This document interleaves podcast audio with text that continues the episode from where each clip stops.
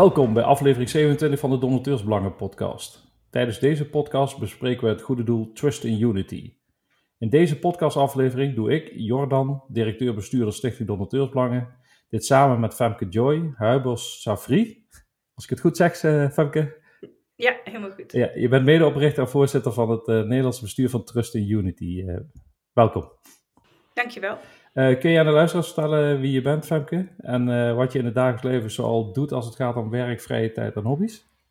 Ja, zeker. Um, werk, ik woon, uh, ik woon in Tegelen samen met mijn man, mijn zoon, onze zoon en lange tijd ook onze, de, mijn stiefdochter, de dochter van mijn man. Um, ik heb een praktijk aan huis, ik ben therapeut en ik heb een eigen bedrijf waarin ik mensen ondersteun. Ja, eigenlijk te herinneren wie ze werkelijk zijn. En daarnaast heb ik een bedrijf met een compagnon, waarbij we de self-care organiseren in grote bedrijven. Mm -hmm. um, en ik heb dan Trust in Unity. Dus dat zijn eigenlijk de drie pijlers die ik heb. Is mijn eigen bedrijf als therapeut, het bedrijf uh, Gewoon de Tijd. En dan hebben we daarnaast uh, de stichting Trust in Unity, waar we al uh, 15 jaar lang voor werken. Ja, en moet ik dan zeggen dat Trust in Unity eigenlijk gedaan wordt in je vrije tijd, tussen haakjes? Ja, ja, zeker. Nou ja, ik zeg wel vaker dat wij de, de luxe hebben en de ruimte hebben om wat minder te werken, zodat we voor stichtingen kunnen werken. Dat is natuurlijk in, in de, de landen waar wij werken niet zo. Hè? Dus in Ghana is dat lastiger. Moeten mensen gewoon heel veel werken om geld te verdienen. En um, ja, in Nederland kunnen we makkelijker geld verdienen, waardoor ik de ruimte heb om um, ook voor een stichting te werken.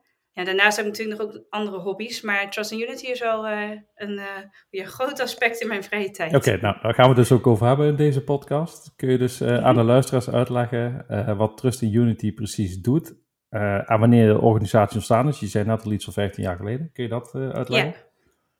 Nou, ik ben in 2006 voor de eerste keer naar Ghana gevlogen. Ik was een opleiding aan het doen. Ik studeerde integrale menswetenschappen in Utrecht. Uh, en ik wilde graag mijn uh, onderzoek voor mijn thesis schrijven in uh, Ghana. Dus toen ben ik gaan zoeken naar een stichting of een school waar ik kon gaan werken. Um, ja, dat was niet heel erg lastig, want in Ghana heb je veel Nederlandse initiatieven. Dus daar ben ik naartoe gevlogen voor drie maanden. En ik heb daar een onderzoek gedaan naar um, het rouwproces van kinderen in Nederland. En dat heb ik vergele vergeleken met het rouwproces naar kinderen in Ghana. Om te kijken van ja, hoe gaat dat hele proces daar en wat, uh, ja, wat zijn de overeenkomsten en wat juist niet. En daar heb ik een uh, vriend leren kennen. En samen zijn wij de stichting Trust in Unity begonnen.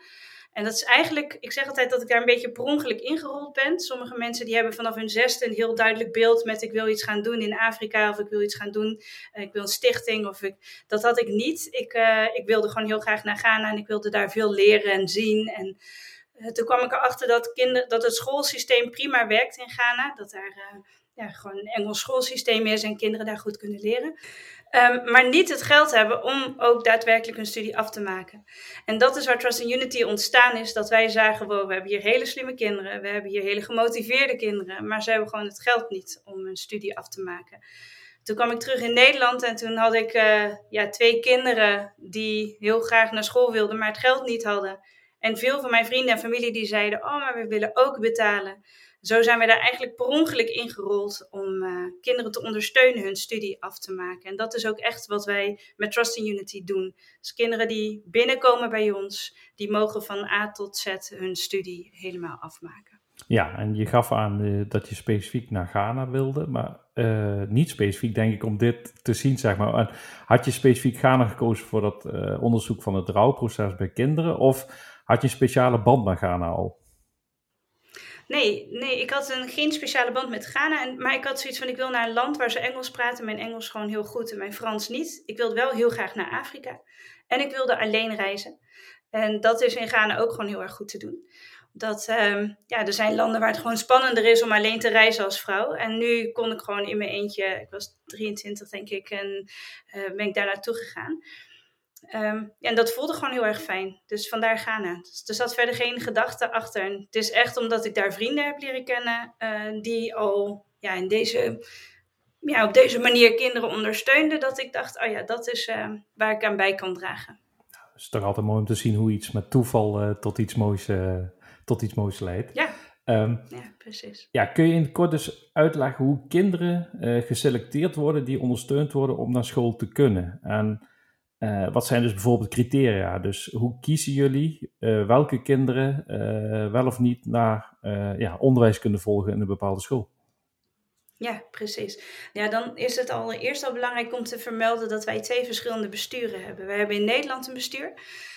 We zijn met z'n zessen. Um, en we hebben in Ghana een bestuur. En daar hebben wij heel bewust voor gekozen tijdens de oprichting. Omdat ik voelde, ik hoef hun niet te vertellen hoe zij dit moeten gaan doen. Dus het is heel belangrijk voor ons dat het Ghanese bestuur ja, de fondsen krijgt. Dus in Nederland zorgen wij voor het geld, voor naamsbekendheid, voor draagvlakverbreding.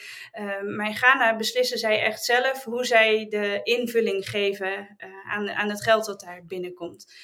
En dat vind ik heel belangrijk, want ik denk, ja, ik kan wel gaan vertellen wie zij wel moeten aannemen, wie zij niet moeten aannemen, welke studenten wel, welke niet. Maar zij weten veel beter dan ik of dat zij ook echt die steun nodig hebben, of dat die kinderen bijvoorbeeld goed ondersteund worden vanuit hun gezinnen. Uh, of ze echt het geld nodig hebben of niet. En het is voor mij veel moeilijker om te zien of dat mensen echt financieel problemen hebben of niet. Dat, eh, dat is lastiger te, nou sowieso vanuit Nederland lastiger te zien. Maar ook is voor mij al heel snel iemand arm of heeft iemand al heel snel geld nodig. Um, ja, en dat hoeft helemaal niet waar te zijn. En omgedraaid kan het ook zijn dat ik denk, nou, deze mensen die hebben werkt, het zal allemaal meevallen. En ja, hebben ze andere omstandigheden waardoor het lastig wordt. Dus daarin betekent dat dat het Ghanese bestuur volledig zelf beslist welke kinderen er aangenomen worden.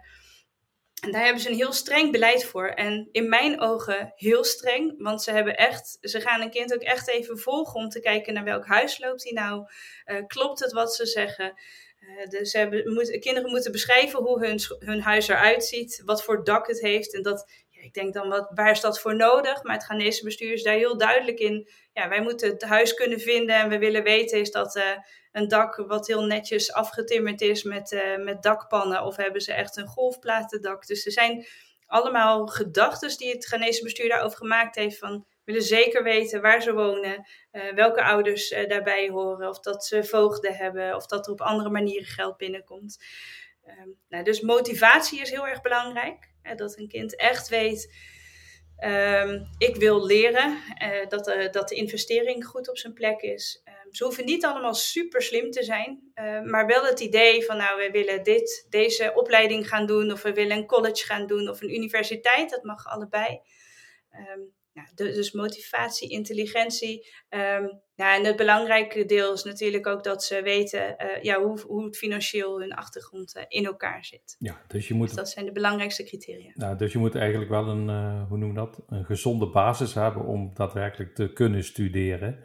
En dat wordt ja. eigenlijk gecontroleerd met al die criteria. Om te voorkomen dat mensen op school, ik weet niet of je het zo mag zeggen, aangenomen worden, die uiteindelijk er toch zullen, tussenuit zullen vallen. Zeg ik dat goed? Juist. Ja, precies. Oké, okay, en, en, geldt ook dat, uh, dat de organisatie Trust in Unity heet in Ghana en dat het ook echt een entiteit is, net zoals in Nederland, dat het ook echt ingeschreven staat als een non-profit, zeg maar, in Ghana? Ja, dat klopt. Oké. Okay. Um, ehm, zijn, er, zijn er ook nog uh, leeftijdsgrenzen? Dus kan iedereen uh, naar school? Want het gaat over kinderen en ik neem aan dat er een bepaalde uh, grens aan de leeftijd zit. Ja, het gaat erover hoe ze binnenkomen. Dus uh, we hebben de jongste was zeven. Dat is echt uh, veruit de jongste. Meestal krijgen ze problemen als ze naar uh, SHS gaan. Dus dan zijn ze 12, 13, 14 jaar. maar um, in een uitzonderlijk geval nemen we ook kinderen aan die primary doen, dus de basisschool. En inderdaad zit er wel een leeftijdsgrens aan. We hadden laatst een keer een aanvraag van iemand van 30 die nog een universitaire studie wilde gaan doen. En dat doen we niet. Dus dan wordt er echt gekeken, ja, wat is nu handig? Of wat is slim? Wat is een uh, waar, waar kunnen we het geld uh, op zoveel mogelijk plekken het beste neerzetten uh, of uitgeven? Um, maar het betekent wel dat we ook studenten hebben die bijvoorbeeld 25 zijn en nog maar twee jaar universiteit te doen hebben. Dan zou het heel jammer zijn als we hun niet ondersteunen terwijl ze er bijna zijn. Juist, en dat ze dus dan het uiteindelijk alsnog misschien niet halen vanwege financiële problemen. Ja, precies. En dan hebben ze het al zo ver geschopt. En dan, ja, dan ondersteunen we ze heel graag die laatste twee jaar nog. Oké, en uh, gaat het om één specifieke school of zijn er meerdere scholen waar Trust Unity uh, dus uh, regelt dat kinderen onderwijs kunnen volgen? Een goede vraag. Nee, dat, we hebben heel veel verschillende scholen. Dus het is ook niet zo dat wij ons focussen op één school. Het is wel zo dat wij schoolhoofden kennen die dan aan kunnen geven: hé, hey, we hebben een student die gaat uitvallen. Dus het komt onderaan de streep is het wel zo dat we bijvoorbeeld op een bepaalde SHS meer kinderen hebben. Maar je mag overal, ze mogen overal studeren. Dus het kan ook zijn dat ze via een hele andere weg binnenkomen. En ehm, ja, ze doen ook heel veel verschillende studies. Dus in het begin zitten ze wel allemaal in Kumasi op school. Dat is de tweede grote stad van Ghana. Um, zodat we de jongeren goed kunnen ondersteunen en monitoren. Maar ja, als ze op een gegeven moment universiteit gaan doen, dan gaan ze natuurlijk uitwaaieren over heel Ghana. En dat is ook de universitaire studenten die studeren overal. Ja, en via donaties worden die uh, leerlingen dus ondersteund. Uh, zijn dat voornamelijk uh, donaties die via de Nederlandse organisatie binnenkomen of komen er ook op via andere wegen donaties binnen? Nee, we hebben voornamelijk Nederlandse donaties, um, particuliere bedrijven, andere organisaties die, die geld geven. Eh, we zijn ook bezig om in Ghana geld uh, op te halen. Dus bijvoorbeeld vanuit een kerk, dat mensen daar uh, geld kunnen doneren voor Trust in Unity.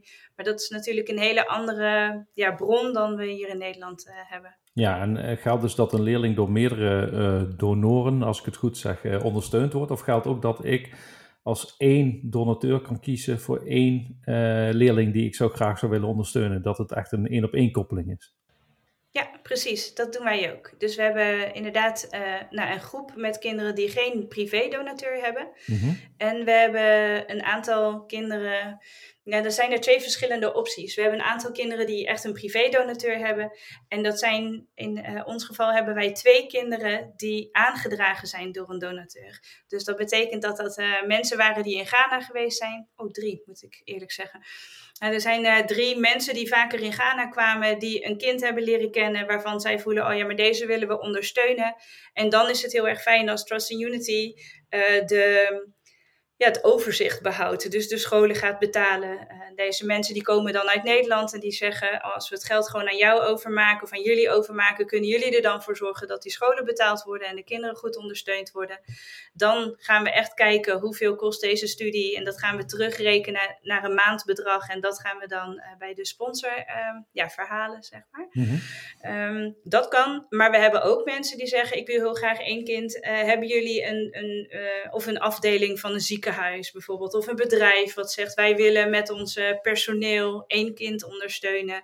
Uh, en dan gaan we kijken welk kind, welke studie het leukste is om te ondersteunen. Dus misschien een bedrijf wat um, veel met computers doet, die dat dan onze um, IT-student ondersteunt, of een ziekenhuis die een, um, een voetvrouw of een verpleegkundige ondersteunt. Dus daar kunnen we, dat doen we ook. Ja, en hebben jullie ook een heel programma uh, opgesteld waarmee uh, de donateurs op de hoogte worden gehouden hoe het gaat met de leerling? Is dat ook, uh, ja, of is daar iets voor geregeld? Ja, zeker. We hebben drie keer per jaar krijgen donateurs een, ja, een echt een individuele nieuwsbrief.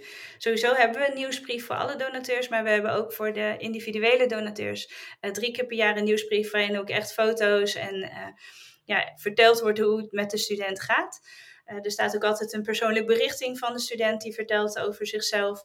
Uh, en we hebben twee keer per jaar een Zoom. Uh, dat is natuurlijk het voordeel van, van corona, dat we echt hele goede verbinding hebben, ook in Ghana, want dat was voorheen nog wel eens lastig.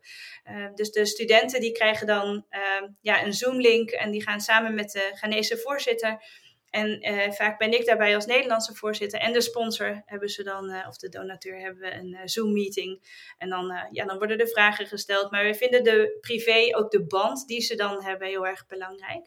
het is niet zo dat we telefoonnummers uitwisselen, omdat we ja, zowel de student als de donateur willen beschermen.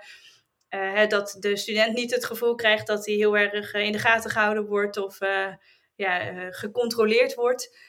Uh, en we hebben het ook al wel eens voor uh, het, uh, gehad dat een student dacht: Oh, ik kan eigenlijk mijn donateur ook best wel vragen om een nieuwe telefoon. Ja, dat is natuurlijk ook, ook, echt niet de bedoeling. Ja, het, je, kunt, dus, je kunt het proberen, maar dat lijkt me inderdaad niet helemaal de bedoeling. Ja. Maar, nee, maar dat... nee, is een leuke vraag, maar dat, die willen we natuurlijk niet bij onze sponsors hebben. Ja, maar stel, als we toch erover doordenken, stel die vraag zou komen vanuit een leerling richting Trust in Unity. Hoe ga je daar dan mee om? Ja, nou ja, we hebben natuurlijk universitaire studenten die zeggen, ja, we hebben eigenlijk een laptop nodig. Um, ja, die proberen we dan altijd te, via sponsoring te, te krijgen. Dus uh, we hebben dan uh, ja, bijvoorbeeld een Lions Club die graag iets, iets um, ja, materialistisch willen doneren. Dus daar gaan we dan voor zoeken en gaan kijken hoe we dat voor elkaar kunnen krijgen. Het is niet zo dat ze die zomaar krijgen, want ja, daar, daar zijn de fondsen gewoon niet naar.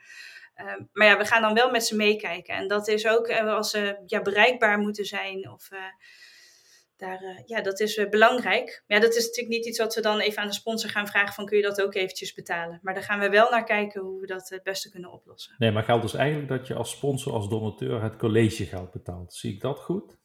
Ja, precies. Dus we zijn eigenlijk begonnen met alleen collegegeld.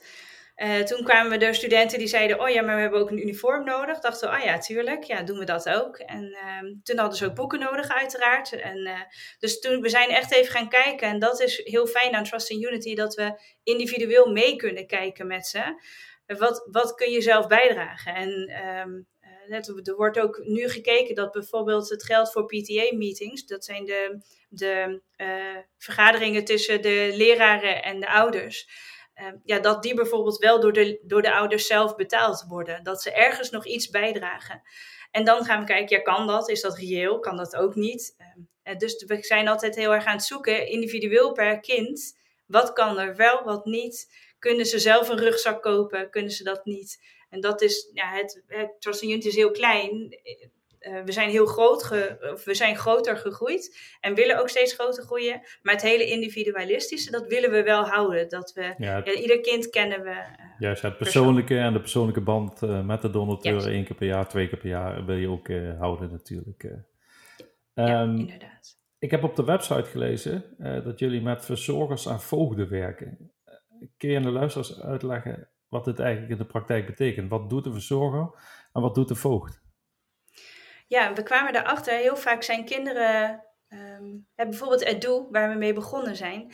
Zijn vader was overleden, um, daardoor kon hij niet meer naar school. En zijn moeder die moest heel veel gaan werken om ja, het hele gezin een beetje boven water te houden. -hmm. En toen zagen wij ja, hij heeft hulp nodig. Hij heeft niet alleen financiële ondersteuning nodig, maar hij heeft ook iemand nodig om tegen te praten. En hij heeft ook een man nodig in zijn omgeving, want zijn, ja, zijn moeder moest het maar alleen doen. Dus toen hebben we bedacht dat onze medewerkers, of dat, ja, dat zeg ik niet goed, want een medewerker wordt uitbetaald. En de mensen die, waar wij mee samenwerken uh, in Trust and Unity zijn allemaal vrijwillig, ook in Ghana. Dus de mensen in Ghana, de, de, de bestuursleden in Ghana, daarvan voelden we, kunnen jullie voogden zijn? En dat gaven ze zelf aan. Van, we, verdelen de kinderen over alle bestuursleden. En zij gaan ook mee naar PTA-meetings. Of zij gaan ook mee naar een graduation. Als iemand afstudeert, dan is ons bestuur daar ook bij. Um, als iemand jarig is, dan is er extra uh, aandacht. Dus ja, dat, dat kinderen ook echt ondersteund worden. Uh, dus je ziet ook dat onze bestuursleden heel nauw betrokken zijn bij de studie van de studenten en bij de student zelf. Dus er zijn echt, ja, een voogd is echt iemand die meekijkt. En uh, als er problemen zijn, als iemand emotioneel gezien problemen heeft, dan mogen ze ook gewoon op ons terugvallen. Uh, Oké, helder. Als we dan kijken naar de Sustainable Development Goals, die zogenaamde SDG's. voor de luisteraars, er zijn 17 SDG-doelen bepaald om de wereld een betere plek te maken rond uh, 2030. En als, het, als ik het goed heb, is dat vanuit de Verenigde Naties uh, gekomen. kun je aangeven waarbinnen Trust, Trust in Unity actief is als het om SDG's gaat? Weet je zo de SDG's waar jullie je, ja, eigenlijk mee bezig zijn? Ja, voorheen waren dat de millenniumdoelen. En toen hadden we volgens mij doel 12 of zo. En volgens mij is het nu 2. Maar dat weet ik even niet helemaal uit mijn hoofd. Maar het gaat over onderwijs uh, daar, daar zijn wij heel erg natuurlijk mee bezig met dat, dat studenten hun mm -hmm. studie af kunnen maken. Oké. Okay. Uh, en Trust in Unity is ook aangesloten bij Partin. Uh, ja.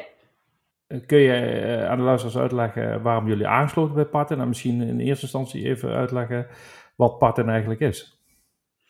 Ja, Partin is een stichting die um, ja, mensen of um, particuliere initiatieven ondersteunt. En Trust in Unity is natuurlijk een, ja, een NGO, een particulier initiatief, mm -hmm. een stichting. Um, wat ik heel fijn vind aan Parten is dat je daar, uh, ja, ze hebben webinars, ze, hebben, uh, een, een, ze organiseren een Partin-dag waar je andere stichtingen kan ontmoeten, netwerken. Tips krijgen van elkaar, elkaar ondersteunen. Ik ben ook via Partin aan het kijken naar andere stichtingen in Ghana of dat we kunnen samenwerken.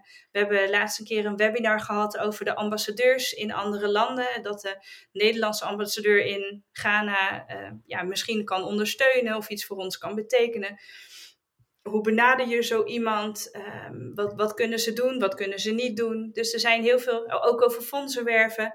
Uh, wat, uh, ja, hoe kan je nou fondsen werven? Wat, ehm, ja, welke tips hebben zij? Hoe hebben andere stichtingen dat gedaan? Dus ik vind Partin een heel ja, prettig platform om andere stichtingen te leren kennen en ja, meer kennis te krijgen over hoe je in Nederland het beste een stichting kan voorzitten of hebben. Juist, en er zijn zelfs ook al misschien samenwerkingsverbanden uit voortgekomen? Ja, zeker. Ja, we hebben um, een stichting, ik ben de naam kwijt. Ja, er zijn stichtingen waar we, waar we inderdaad mee samenwerken die hele goede tips hebben uh, om, uh, ja, om meer fondsen te werven. En dat is waar we met Trust Unity op dit moment heel erg mee bezig zijn. Uh, is ja, gewoon meer fondsen werven, zodat we meer kinderen kunnen gaan ondersteunen. En dan zijn alle tips die we kunnen krijgen belangrijk. Ja, altijd belangrijk om informatie te krijgen van allerlei kanten die je ondersteunen bij je werk. jullie hebben ook kort geleden de donateursbelofte van onze eigen stichting Donateursbelangen ondertekend. Ja. Kun je aangeven waarom jullie de donateursbelofte ondertekend hebben? Ja, nou wat heel fijn is aan Trust Unity, wat ik vaak terugkrijg van donateurs, is: Oh, jullie zijn klein, jullie weten precies waar het geld naartoe gaat. Jullie hebben niet, net zoals eh, met heel veel grote, grote stichtingen, dat er veel aan de strijkstok blijft hangen. Uh, maar tegelijkertijd moeten onze sponsors ook maar gewoon geloven en onze donateurs ook maar gewoon geloven dat wat wij doen, dat dat klopt. En dat, um, ja, dat wij uh, ja, ook vanuit respect naar hun toe goed handelen. En dat, dat is wat ik heel erg mooi vond aan de donateursbelofte. Dat wij ons bewust zijn van de verantwoordelijkheid die ze ons geven als zij zomaar geld geven. En dat wij daarin uh, beloven om dat uh, op een juiste manier in te zetten. En uh, nou, ik vind het vooral het stukje dat wij laten zien dat wij ons bewust zijn van wat zij ons geven, wat zij mogelijk maken. Die vond ik heel erg belangrijk om daar bewust mee om te gaan. Juist, en het is vooral een belofte inderdaad aan iedereen die denkt dat jullie ja, je niet aan de belofte houdt, zeg maar, kunnen altijd uh, zich bij ons melden. En dan gaan we gewoon uh, rustig in gesprek met de organisaties die die belofte ondertekend hebben. En uh, ik denk dat het vooral belangrijk is dat je uitdraagt inderdaad naar een donateur toe. Wij zijn open, eerlijk, transparant en we zullen je respectvol benaderen als donateur. Dat is stap 1 van het hele falen eigenlijk. Dat je iedereen serieus neemt en respecteert. Um, Precies. Jullie zijn dus aangesloten bij Partin, hebben de donateursbelofte ondertekend, maar jullie zijn nog niet aangesloten bij het CBF. Uh, kun je aangeven of jullie overwegen om uh, ook aan te sluiten bij het CBF in de toekomst? Ja, absoluut. Dat hebben we een uh, tijdje terug uitgezocht. En toen zag ik door de bomen het bos niet meer. Toen dacht ik, wow, wat, wat moeten we gaan doen? Um, en eigenlijk valt dat heel erg mee. Want ik heb dat dus een een paar weken geleden even uitgezocht. Ik dacht, oh, eigenlijk hebben we alles en kunnen wij alles overleggen wat hun graag willen zien van ons. Maar dat was in het begin van de stichting. Ik weet dat we nog maar een jaar bestonden dat ik dacht, oh, dat moet ik regelen. We zijn wel ambi geregistreerd, dat hebben we toen ook geregeld. En toen had ik het vermoeden dat CBF heel erg lastig zou worden, heb ik dat laten rusten. Ja, inmiddels zijn we gewoon veel groter geworden. En is dat CBF-keurmerk gewoon echt niet uit te sluiten. Dus dat gaan we absoluut uh, doen. Um, en ik ben daar dus ook met, uh, ja, met andere stichtingen aan het kijken hoe hebben jullie dat gedaan en wat moeten wij daar nog voor doen en hoe, hoe, uh, nou, hoe krijgen we dat voor elkaar. Dus daar, uh, daar zijn we mee bezig. Juist, en eh, voor de luisteraars, het CBF is een zelfbenoemde toezichthouder in de goede doelenwereld. En organisaties kunnen zich vrijwillig laten toetsen door de CBF-erkenning aan te vragen. Nou, dat is dus wat jullie overwegen. Je liet ook even ambi vallen, misschien ook even voor luisteraars voor de zekerheid. ambi staat voor algemeen nutbogende instelling. En daarmee kun je fiscale voordelen krijgen vanuit de Belastingdienst en andere zaken. Dus de donateurs die geven aan een ambi-organisatie kunnen bij hun IB-aangifte uh, bijvoorbeeld giften aftrekken van hun inkomstenbelasting, mits ze ook aan andere voorwaarden voldoen. dus dat is even voor de uitleg waar ambi voor staat. het is natuurlijk vanuit donateursbelangen goed dat een CBF er is. Het is natuurlijk vanuit de gedachte van de donateur goed dat er überhaupt toezicht gehouden wordt in de goede doelensector. Uh, we hebben alleen geconstateerd dat er in die normen waar het CBF toezicht op houdt, er ja, eigenlijk geen normen zijn van hoe moet ik nu als goed doen met een donateur omgaan. En daarom uh, hebben wij ook die donateursbelofte gelanceerd in 2022. als we teruggaan naar het verhaal over Trust in Unity. wat is naar jouw mening noodzakelijk om de komende jaren kinderen die het moeilijk hebben in Ghana, of in ieder geval niet alles kunnen bekostigen, te helpen onderwijs te kunnen blijven volgen? Zie je daar uitdagingen of denk je dat het zoals het nu gaat ja, nog prima te doen blijft? Ja, dat geloof ik zeker dat het prima te doen blijft. Voor mijn gevoel is Ghana ook een van de mooiste landen om juist dit doel te hebben. Soms moet je scholen bouwen. Um, in, in, in bepaalde landen is het gewoon echt heel erg belangrijk om een school te bouwen. Dat zie ik in Ghana zo niet uh, direct als noodzaak.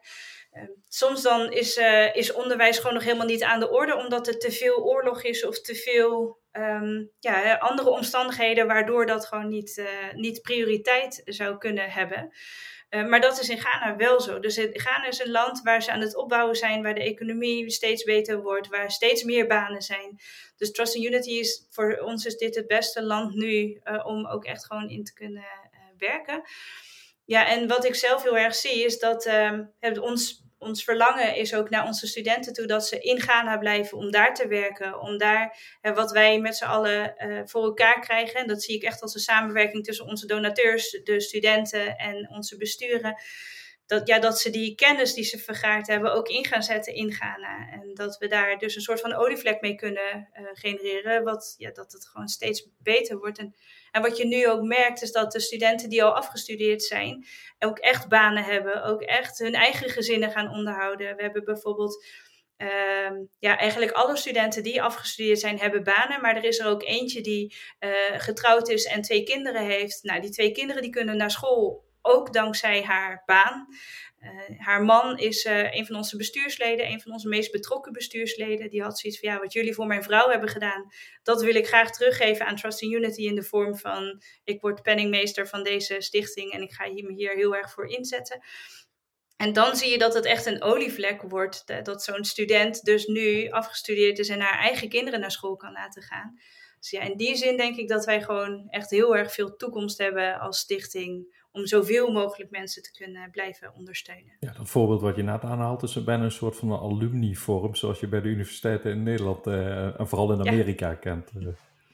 Ja, precies. Okay. precies. Um, ja. Voor mijn idee, uh, Ghana, hoe groot is dat land? Dat is negen keer groter dan Nederland. En ook qua inwonersaantal, of is dat nog veel malen groter? Nou ja, wij zijn natuurlijk heel dicht bevolkt uh, in Nederland. Uh, maar inderdaad, in uh, nou, Kumasi, waar wij dan het meeste doen, daar hebben ze 1,6 miljoen inwoners in die stad zelf. Dus ze hebben zeker meer inwoners dan wij. Mm-hmm. nou, natuurlijk ook heel veel droge vlaktes, Sahel, waardoor daar geen mensen wonen. Dus ze hebben minder inwoners verhoudingsgewijs met Nederland. Maar ja, het is, een, het is een enorm groot land. Ja, en je gaf ook aan dat er veel uh, Nederlandse initiatieven actief zijn. Uh, waarom denk je dat dat uh, het geval is? Ja, vind ik heel interessant. Um, ik denk ook omdat het een, een relatief makkelijk land is om naartoe te reizen. Dus je ziet vaak dat mensen als toerist daar naartoe gaan. Dat, nou, toerisme is niet super groot, maar ik kan om gewoon om te gaan reizen. Dat, en dat je dan daar mensen tegenkomt waarvan je denkt, ja, hier moeten we iets mee. Ze zijn veel um, ja, uh, agriculturele dingen, die, uh, stichtingen die in het noorden bezig zijn met, uh, met uh, rietsuikerplanten of palmbomen ehm, op een goede manier daarmee bezig zijn met, met ja, het bewerken van het land in het noorden. Ook omdat de Sahel natuurlijk steeds lager wordt, zijn daar ook heel veel stichtingen mee bezig. En er zijn heel veel scholingstrajecten. Ik weet wel dat, uh, dat het vanuit de regering niet meer mogelijk is om een weeshuis te beginnen in Ghana, want daar hadden ze er voor hun gevoel meer dan genoeg uh, van. Dus er zijn, uh, ja, er zijn, maar er zijn ontzettend veel initiatieven in uh, Ghana vanuit Nederland. Juist, misschien toch heel even op dat weeshuisverhaal ingaan wat je net aangeeft. Ik geloof ook dat Parten daarmee bezig is. Kun je een beetje aangeven, dat is misschien wel interessant voor de luisteraars om te horen waarom er steeds vaker anders gedacht wordt over het starten van een weeshuis in een bepaald uh, land. Nou ja, sowieso, weeshuizen, maar ook scholen. Um, wat ik denk ik het belangrijkste vind is, en dat die zin die heb ik gehoord van uh, toenmalig uh, minister Pronk, die gaf een lezing op de Afrikadag en die zei, ik hoop dat we hier allemaal zitten. Het waren allemaal particuliere initiatieven. En hij zei, ik hoop dat we hier zitten met mensen die antwoord geven op hun vraag. En dat vond ik echt, nou, dat vond ik echt de meest fantastische zin die hij kon zeggen. Want wat ik heel erg merkte is dat wij naar een land gaan en dan dingen zielig vinden en dan daar een stichting voor gaan maken. En, maar dat is helemaal niet misschien helemaal niet wat er nodig is. En dan, hè, dan zien wij kinderen op straat en denken we, oh, we moeten hier een school bouwen. Uh, of we zien uh, um, kinderen die daar zwerven en dan denken we, oh, we moeten een weeshuis uh, neerzetten. Mm -hmm. En dat is niet altijd wat er nodig is. Uh, soms uh, kinderen, bijvoorbeeld kinderen die zwerven in Ghana, uh, vaak, ja, dan moet er onderzoek gedaan worden. Zijn deze kinderen werkelijk aan het zwerven? Of gaan die s'avonds naar huis en krijgen ze de opdracht als zwervers daar naartoe te gaan? En worden ze ingezet?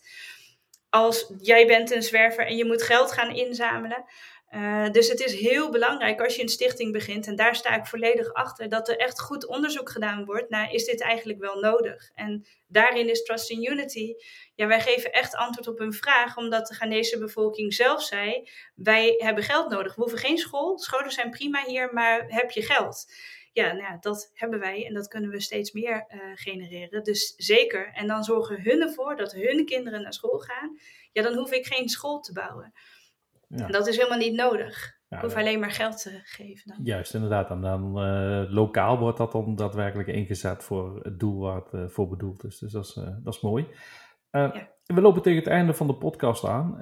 is er iets specifieks waar jij het nog over wil hebben of inbrengen, Femke? Nee, nou ja, ik ben heel erg blij dat we. Er wordt wel eens vanuit stichtingen gedacht. Um, ja, fijn dat jullie geld geven. Uh, geef maar zoveel mogelijk geld. En ik ben dan persoonlijk heel erg blij met donateursbelangen. Um, omdat het ook voor ons du duidelijk mag zijn dat wij zomaar geld krijgen. En dat wij daarmee onze stichting en onze studenten kunnen ondersteunen. Dus uh, nou, eigenlijk gewoon mijn dankbaarheid naar jullie toe. Dat ik voel, ja, dit is belangrijk dat uh, onze, onze stichting in Ghana is zich super bewust van wat uh, de Nederlandse donateurs allemaal aan ons geven. Maar ook wij als Nederlanders in de stichting mogen ons bewust zijn van, uh, ja, van de mogelijkheid die wij krijgen om onze stichting vorm te geven. Ja, en daarvoor mogen we dus ook wel de ja, verantwoordelijkheid dragen om daar op een goede manier mee om te gaan. Juist, en dat ondersteunen jullie. Juist, en zijn jullie dan ook voor het grootste gedeelte volledig afhankelijk van particulieren en bedrijven als donateur? Ja, absoluut. Ja, dus echt volledig. Oh, volledig zelfs.